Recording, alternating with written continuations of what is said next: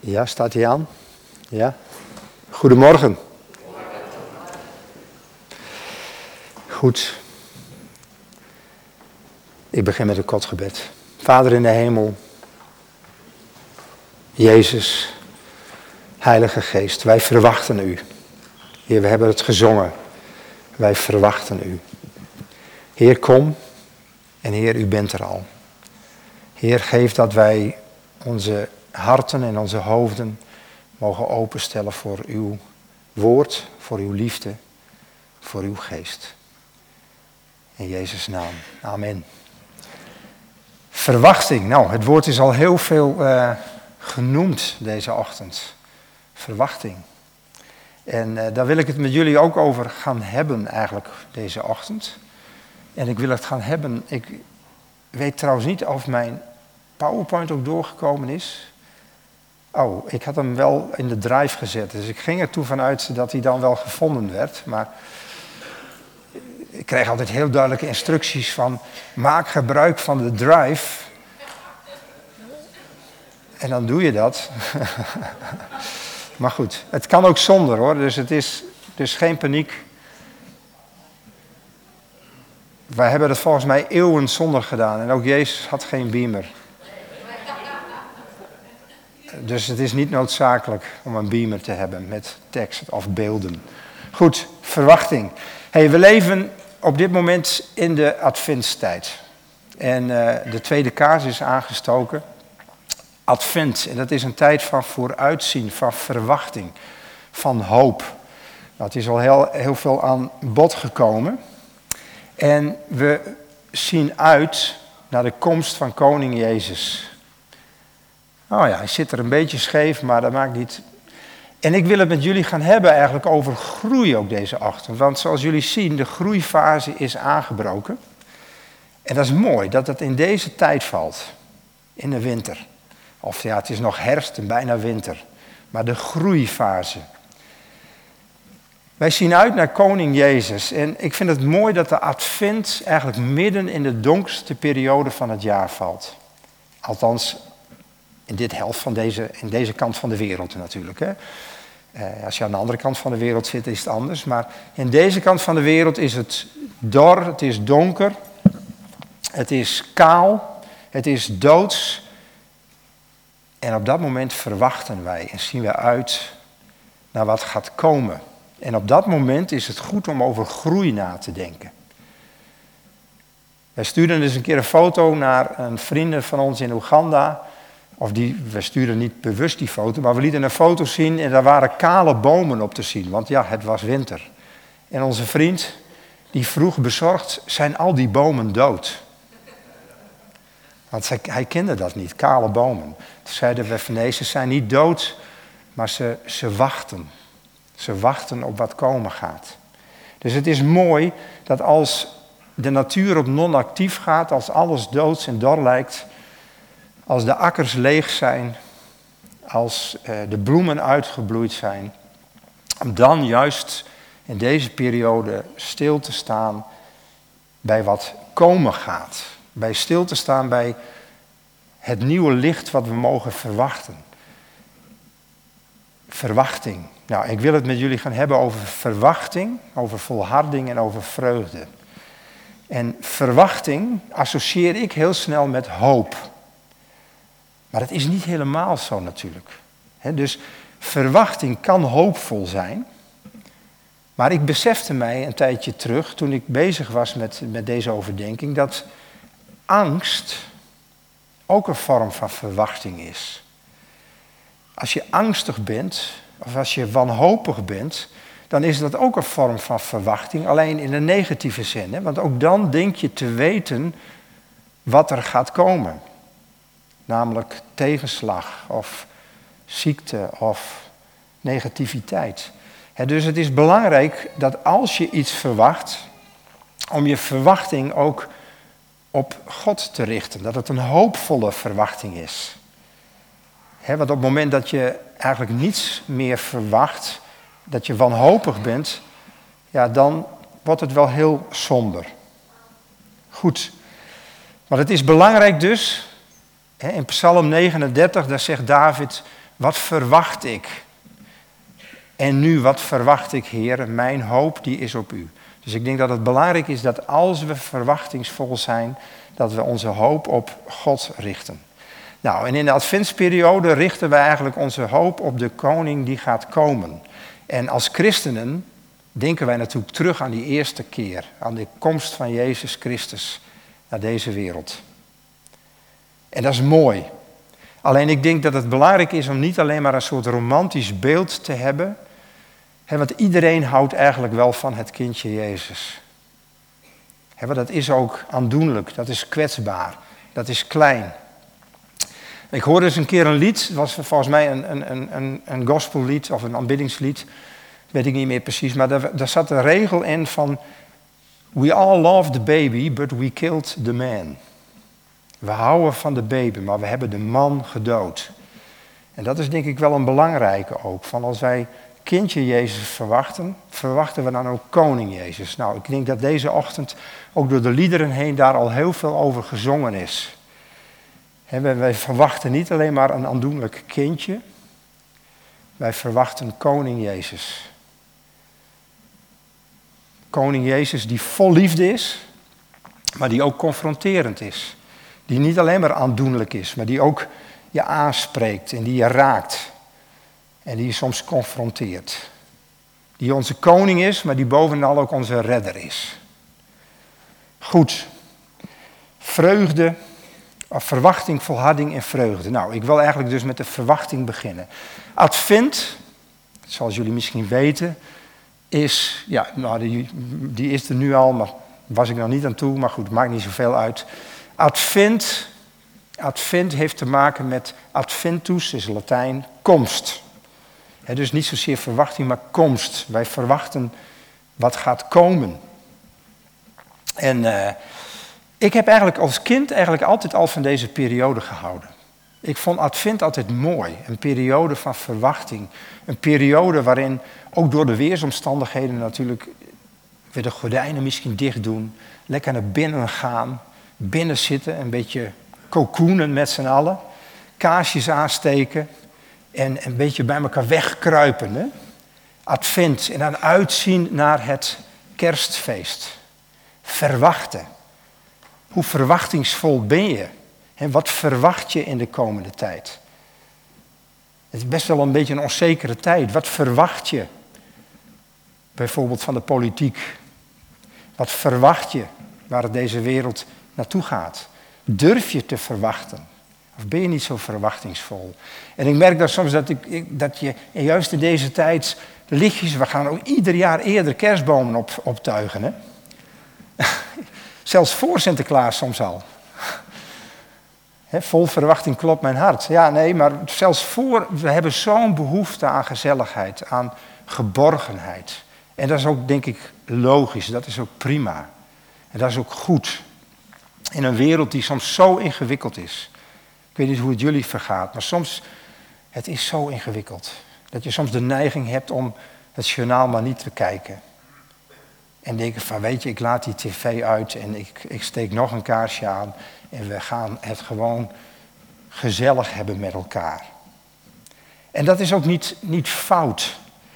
want verwachting heeft ook met hoop te maken.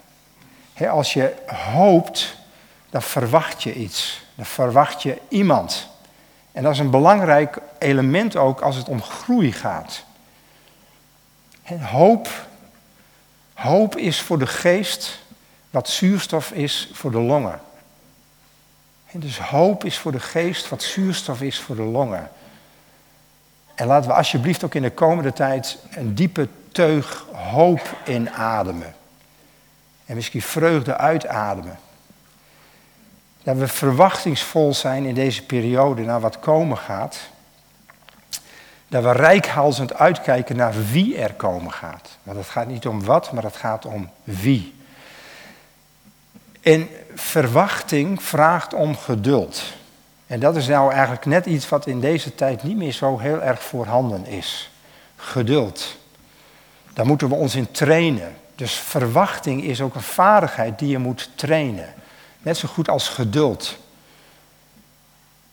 Ik zag eens een cartoon dat iemand die was aan het bidden en die zei: Heer, geef me geduld. En het liefst nu. Wij zijn niet meer zo verwachtingsvol, we zijn niet meer zo geduldig. Dus verwachting is een vaardigheid die je moet trainen. En verwachting is je anker. En het was zo mooi dat zo pas in het lied ook over het anker voor onze ziel. Verwachting is het anker, is je anker uitgooien in Gods toekomst waaraan jij je vandaag kunt vasthouden. verwachting is het anker uitgooien in Gods toekomst, zodat jij nu stabiel kunt blijven. Wat verwacht jij van de toekomst? Als je jong bent, verwacht je misschien op den duur wat meer zelfstandigheid of vrijheid. Als je nog weer wat ouder bent, heb je misschien verwachtingen rondom een opleiding of een partner of een goede baan of een mooi huis. Of wellicht gezondheid, welvaart of op zijn minst welzijn. En wij verwachten over het algemeen 101 dingen. En dat is goed. Hoopvolle verwachting maakt dat je ochtends opstaat. Als je geen hoop hebt, dan blijf je liggen.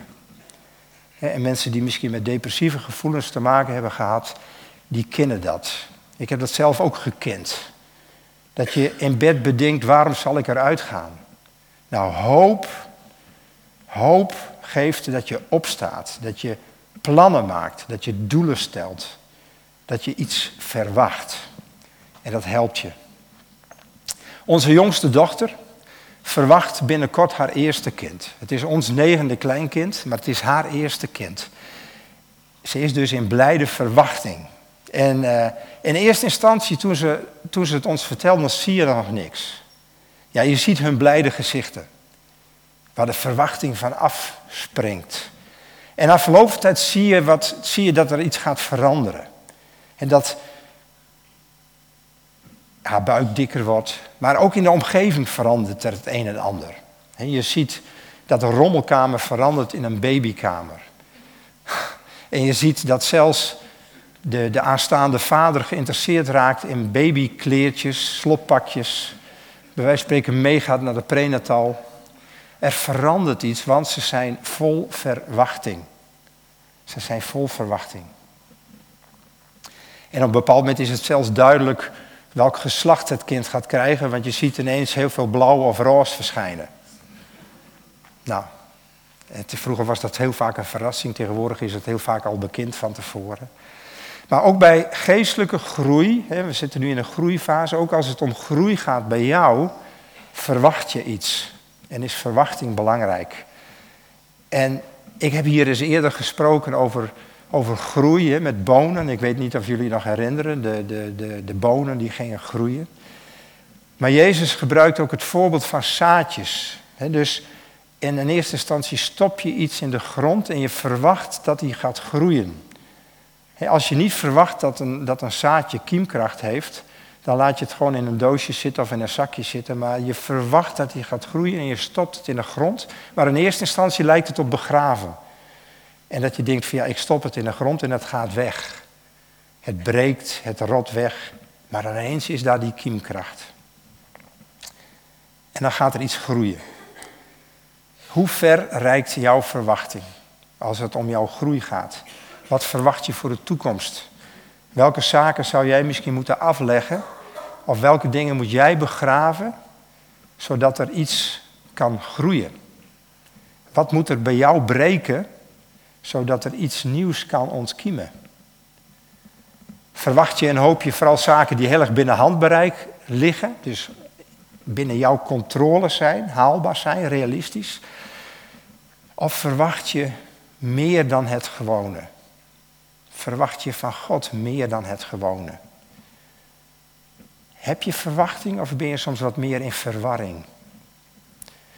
Durf je over die eigen grenzen van tijd en leven en hier en nu te kijken en te verwachten en te hopen als wachters op de morgen? Kun je met de Hebreeënbriefschrijver zeggen, het geloof is de zekerheid van de dingen die men hoopt. En het bewijs van de dingen die men niet ziet. Toen Jezus naar deze wereld kwam als baby, zijn moeder was in verwachting van zijn komst. En toen hij geboren werd, was hij kwetsbaar, was hij klein, was hij afhankelijk. Was zijn ouders en ook zijn vader in de hemel waren vol verwachting wat zijn groei betreft. Ze waren vol verwachting. Hoopvolle verwachting is ook belangrijk voor onze geestelijke groei. Verwacht jij ook dat je zult groeien? Verwachten wij dat het zaadje van geloof dat God in ons hart geplant heeft, dat hij dat ook zal laten groeien? En het is mooi, dat beeld van een zaadje, want we hoeven het slechts te ontvangen. Ontvang het zaadje van geloof en verwacht dat het gaat groeien. We kunnen dat niet forceren, we kunnen dat niet onder druk zetten, maar we mogen het ontvangen, we mogen het planten en we mogen verwachten dat het gaat groeien. God heeft al een beeld van ons. God ziet ons al voor ogen hoe wij zijn. God ziet al de groei en de bloei. Terwijl wij eigenlijk alleen nog maar de kale grond zien. In de Efezebrief schrijft Paulus in hoofdstuk 5 het volgende, in vers 1. Hij zegt, wees dan navolgers van God als geliefde kinderen. En dat is heel mooi. En belangrijk is hierbij dat je moet beseffen, denk ik, dat wij niet pas geliefd zijn als wij Hem perfect navolgen. Nee, er staat, wees dan navolgers van God als geliefde kinderen. Wij zijn al geliefde kinderen. En het woordje als is hierbij heel belangrijk. In het Grieks staat er eigenlijk uh, staat er een woord dat betekent alsof. En dat betekent niet dat wij net doen alsof. Maar er staat je bent geliefde kinderen. Je bent geliefd. En gedraag je dan ook nu al als geliefde kinderen. dus we zullen uiteindelijk zou je kunnen zeggen, omdat je kind van God bent, ben je niet gebonden door wat je geweest bent. En je bent ook niet gebonden door wat je nu bent. Maar in God heb je de kracht om te leven als dat wat je nog niet bent. Of beter gezegd, als dat wat je zult worden. En dat vind ik zo mooi, dat God ziet die groei al. En wij mogen eigenlijk nu al leven als geliefde kinderen. Dat hoeven we niet te verdienen, dat hoeven we niet zelf te organiseren. We hoeven de groei zelf niet te forceren. Maar we zijn geliefde kinderen en God geeft ons de groei. Dat mogen we verwachten. Goed.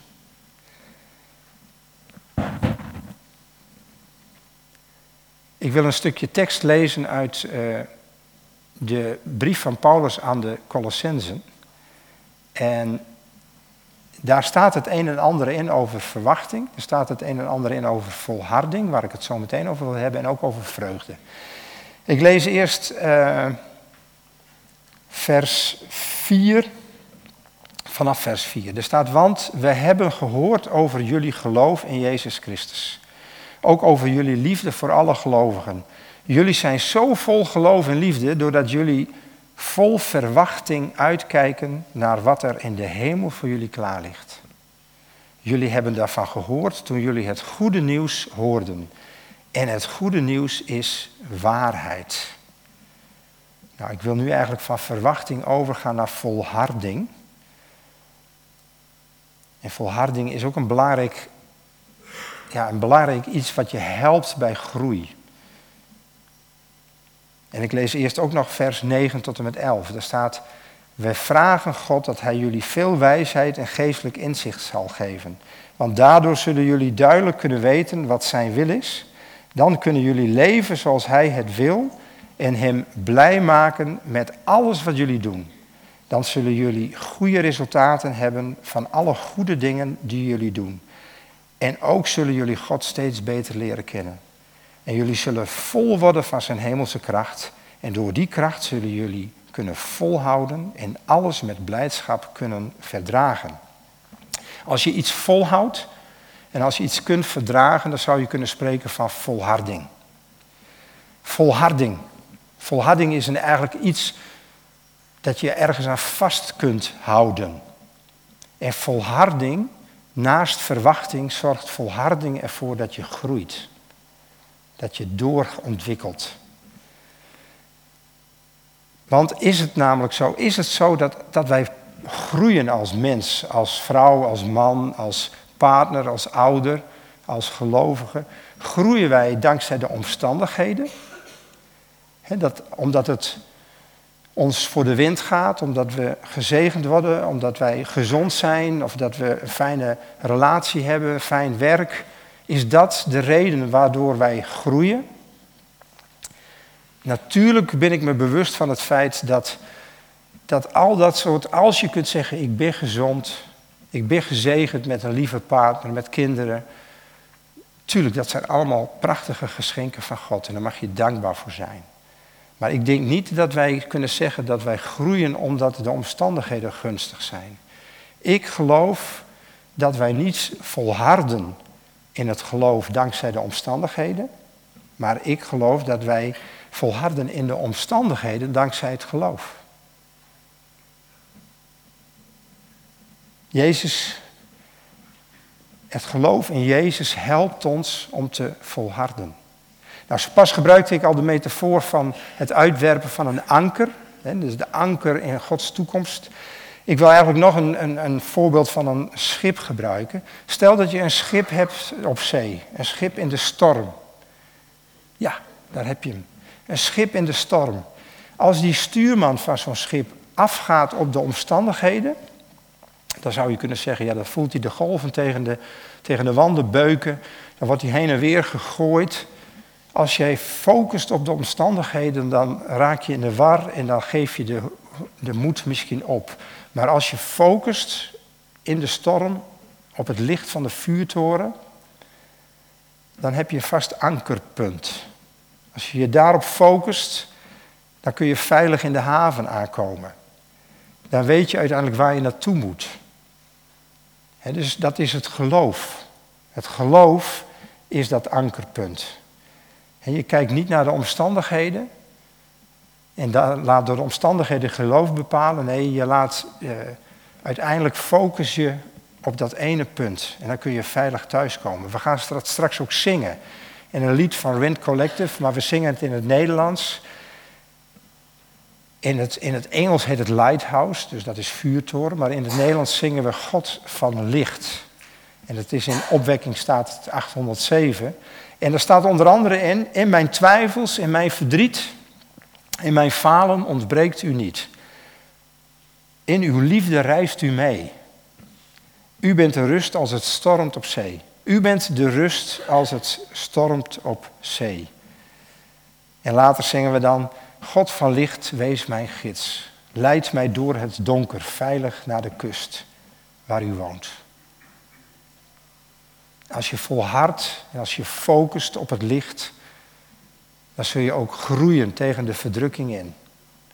Dan zul je groeien ondanks de omstandigheden. Christus is ons licht en terwijl wij onderweg zijn, mogen wij ook een licht voor elkaar zijn. Wij mogen ons elkaar er ook aan, aan herinneren. Blijf gericht op het licht. Het is soms zo gek. Ik, heb, ik, ik ervaar dat soms dat we soms zo geneigd zijn om het duister van de ander, om daar vooral op te wijzen.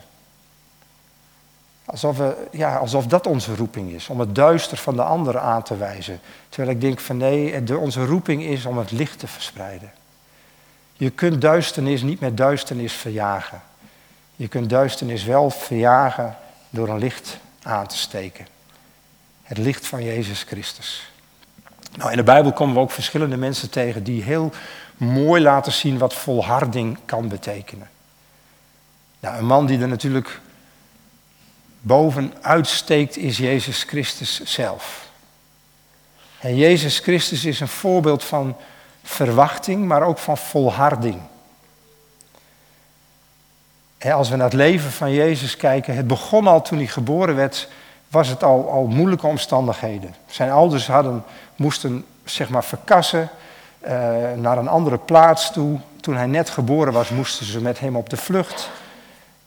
En ook toen zijn publieke bediening begon, toen moest hij, werd hij eigenlijk direct 40 dagen de woestijn ingestuurd. En werd hij beproefd. En met allerlei theologische listen probeerde de vijand hem te verleiden. Het is opvallend hè, dat de vijand hem probeert te verleiden met, met bijbelteksten. Probeert hem als het ware uit te dagen.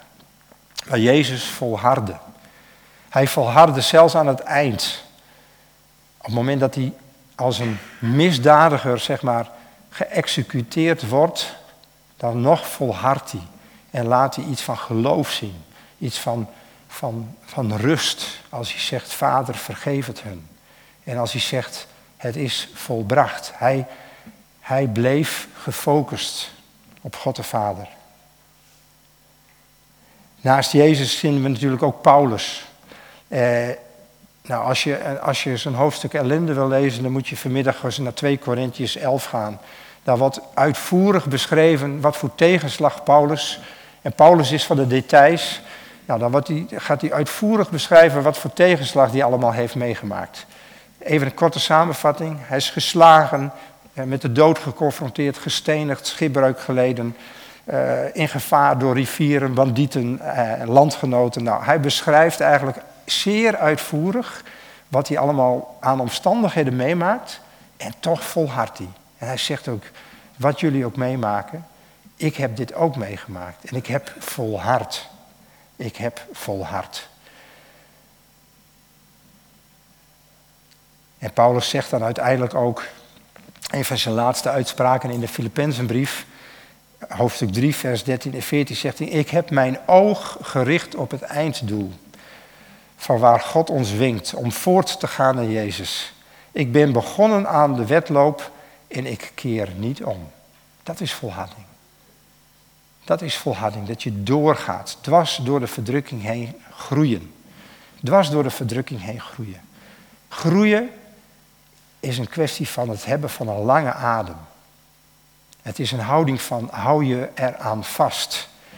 En groeien is niet iets waar je vandaag mee begint en dan morgen weer mee stopt omdat het tegenvalt. Groeien is iets wat, waar je vandaag mee begint en waar je over tien jaar ook mee doorgaat. Het is een, geloof is een weg die werkt en die door en door getest is. Nou, naast Paulus vind ik het, en Jezus vind ik het ook mooi om Petrus te noemen. En want Petrus is ook een man van groei en van volharding. Maar Petrus is ook een man die af en toe, denk ik, zichzelf ook behoorlijk teleurstelt. En die soms onverwachte moves maakt. En ook dat is groei. dat je dus ook merkt van, goh, ik dacht al een heel eindje op weg te zijn. Geestelijk volwassen, gegroeid. En wat kun je dan soms teleurgesteld raken in anderen? En wat had je soms grote verwachtingen? Dat is soms ook het, tragische bijvoorbeeld van kerst. En daar waar advent een periode van verwachting is, en wees nou eerlijk, kerst kan soms ook heel erg tegenvallen. je verwacht er zoveel van. Gezelligheid, knus. En voordat je het weet zijn het familieconflicten, eenzaamheid. En dat, dat, dat zit er ook in. En Peter is zo'n mooi voorbeeld van een man die aan de ene kant heel veel wil en heel veel doet, en aan de andere kant kan hij soms zo tegenvallen. En dat is zo menselijk. En soms zullen we teleurgesteld zijn in onszelf. En dan merk je dat je weer staat te schreeuwen terwijl je eigenlijk geduldig wou zijn. Of dat je oordelend bent terwijl je dat eigenlijk niet zou willen zijn. Of dat je dingen doet die helemaal niet passen bij, bij waar je voor hebt gekozen. En dat je een onrust merkt in jezelf, een onvrede. En dat je denkt, ach, gaan we weer. En toch is dat goed. Ik zeg wel eens van, ik heb liever een heilige onrust dan een wereldse vrede. Het is juist die heilige onrust dat je merkt van, ik ben er nog niet. Ik ben nog niet de man of nog niet de vrouw die ik zou willen zijn. En wat kan ik mezelf soms weer teleurstellen? Dat is goed. Die heilige onrust in je, die geeft je weer het besef van ik heb een hogere roeping. Uiteindelijk mag ik naar iets anders toe groeien. En we mogen verwachten dat dat ook gebeurt. Dat ons hart, wat onrustig is, uiteindelijk rust zal vinden in Hem. En die groei, daar mag je op vertrouwen. Maar ik, ik noemde zo pas al het voorbeeld van zwangerschap van onze jongste dochter. Maar ook zwangerschap is niet alleen maar fijn. Het is, bedoel, ja, wie ben ik om daarover te spreken als man? Maar wat ik ervan zie, is zwangerschap fijn, maar het is ook ongemak. Het is soms ook periodes van misselijkheid. Het is ook groeipijnen. En uiteindelijk loopt het ook uit op barensweeën. dus groei is niet een gezapig, onder controle proces van goed, beter, best. Nee, groei is soms ook tegen de verdrukking in groeien. Groeipijnen hebben. Nou, ik weet niet hoe dat bij jullie is in jullie geestelijk leven, maar ik moet zeggen dat ik af en toe best groeipijnen heb. Groeipijnen in het volwassen worden, het geestelijk volwassen worden. Goed. Ga nog even terug weer naar de Colossensen hoofdstuk, eh, naar vers 11 uit hoofdstuk 1. En, zegt Paulus daar, jullie zullen vol worden van zijn hemelse kracht. dus zijn hemelse kracht helpt ons groeien. En door die kracht zullen jullie kunnen volhouden, volharden, en alles met blijdschap kunnen verdragen. Nou, dan komen we eigenlijk bij dat element van vreugde.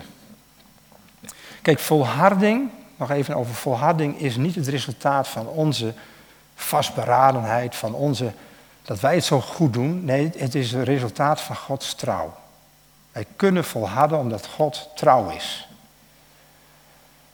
Wij mogen verwachten dat wij vol zullen zijn van Zijn hemelse kracht. En dat wij groeien op de weg van geloof. Dat komt doordat God rechtvaardig is.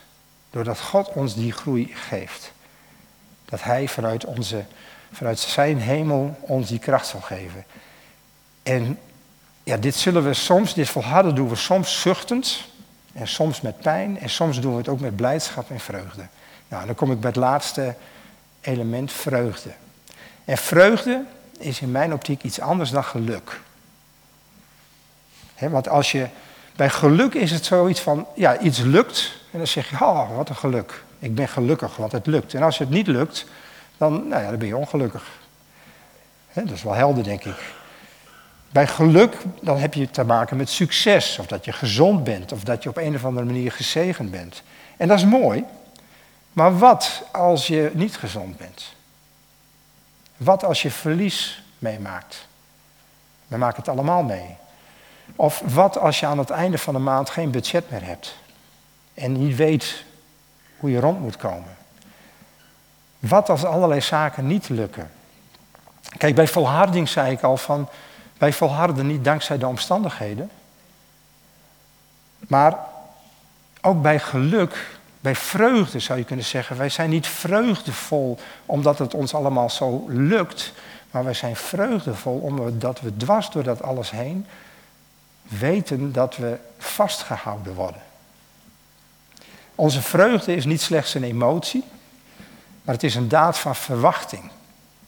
En het is het effect het gevolg van onze volharding. Het is vooral de vrucht van het geloof. Nou, Paulus heeft het bijvoorbeeld ergens al over de vrucht van de geest. En dan is vreugde ook een van de kenmerken die hij noemt. Vreugde. Vreugde. Er is wel een grappig weetje in de Rooms-Katholieke Kerk. Daar, daar, verklaren ze soms mensen heilig. Hè? Nou, het leuke van de protestantse traditie is dat wij allemaal heiligen zijn. Zoals we hier al zitten. Daar hoeven we niet eerst dood voor te zijn.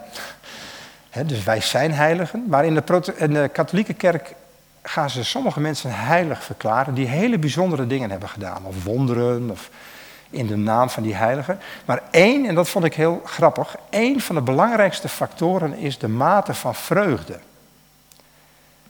dus ik heb dat dus wat, wat, wat, wat verder uitgezocht, maar dat klopt.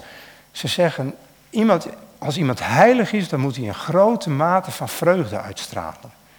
Dus je kunt nog zulke grote wonderen doen. Als jij een sobere zagarijn bent, dan zul je nooit heilig verklaard worden. In de katholieke kerk. Vreugde. dus de vreugde die van de gelovige afstraalt, is schijnbaar nog belangrijker voor, voor het, het, het besef van dit is, we hebben met een heilige te maken, dan de wonderen die gedaan zijn in zijn naam. dus vreugde. Dat is mooi hè? Dat vond ik wel weer leuk. Dat vreugde, dat dat een hele belangrijke is. Nou, voor de komende tijd, de adventstijd, zou ik eigenlijk ja, jullie. Kijk, in het begin van de Colossensenbrief, daar zegt Paulus bijvoorbeeld, dan dankt hij eigenlijk God voor wie ze zijn. Moet je maar eens nalezen. Dan zegt hij, ik dank jullie voor waar jullie bekend om staan. Nou, stel dat Paulus nou een brief zou schrijven aan de gelovigen in Drachten. In dit groepje gelovigen in Drachten. Waar zouden jullie onbekend willen staan? Wat hoop je dat hij daar schrijft? Waar zou hij God voor danken als hij het heeft over de mensen van Open Thuis? Wat zegt hij over jullie verwachting? Dat hij zegt, ja, maar het zijn mensen die verwachten echt heel veel van God. Daar spat de verwachting van af. Daar waar anderen de hoop opgeven, zijn zij vol verwachting. Of als het over volharding gaat, zou die dan schrijven van ja, die mensen, ondanks de omstandigheden, weten ze te volharden. Zijn het mensen die laten zien hoe dat werkt? Dat het niet alleen maar te maken heeft met dat het je voor de wind gaat, maar soms ook dwars tegen de wind in. Volharden, doorgaan. En als het om vreugde gaat. Wat zou het mooi zijn dat hij zou schrijven, die mensen, die zusters en die broeders daar in Drachten. Nou, als er iets over geschreven kan worden, dan is het wel vreugde. Ben je somber? Ben je wat cynisch of wat te neergeslagen? Ga naar een ochtend van de Open Thuisgemeente. En je zal misschien niet met een glimlach van oor tot oor er weer uitstappen, maar je zal wel met vreugde in je hart zal je er weer vandaan gaan. En ik vond het zo mooi dat vanochtend al de ene broeder al zegt van de muziek, het raakt me. Weet je, en vreugde, vreugde is dus niet een oppervlakkige vorm van blijdschap. Vreugde, vreugde is veel dieper. Vreugde, je kunt vreugdevol zijn met tranen in je ogen. Je kunt verwachtingsvol zijn, ook als de toekomst somber lijkt. Maar we mogen volharden. Want God geeft ons die kracht. Die hemelse kracht. En wij mogen ons anker uitwerpen in zijn toekomst. Wij hoeven hier niet vaste grondvastigheid te ervaren. We mogen het anker uitwerpen in Gods toekomst. En Hij komt ons daarin tegemoet. We gaan dus straks dat lied horen, dat lied van uh, Rent Collective, My Lighthouse, God van Licht. En het is heel grappig, het is een uptempo lied. en ik vind het heel knap dat ook in een kleine bezetting dat, het, dat ze het spelen. Ik weet ook niet of dat een enorme uitdaging is. En we zingen daarna volgens mij nog, of andersom, dat weet ik niet in welke volgorde, zingen we ook nog halfvol. Want ook dat heeft te maken met verwachting en volharding. Hou vol. maar het lied van Rent Collective is qua tempo heel erg vrolijk. van, en, en uptempo. Maar het gaat over onrust. Over stormen, over twijfels. en dat vind ik zo mooi. Want je kunt een lied gaan spelen over onrust en over twijfels en over verdriet en over zorgen. Heel laag en heel rustig en bijna in een soort, soort mineurstemming. Maar dat doen ze dus niet. Ze zingen het in een uptempo, vrolijk melodietje haast. En het gaat eigenlijk over die strijd. Nou, dat vind ik een mooie combinatie. En dat is denk ik ook de combinatie die je heel vaak in je leven tegenkomt. En de combinatie van strijd en tegelijkertijd de vreugde die de Heer geeft. Ik wil eindigen met gebed.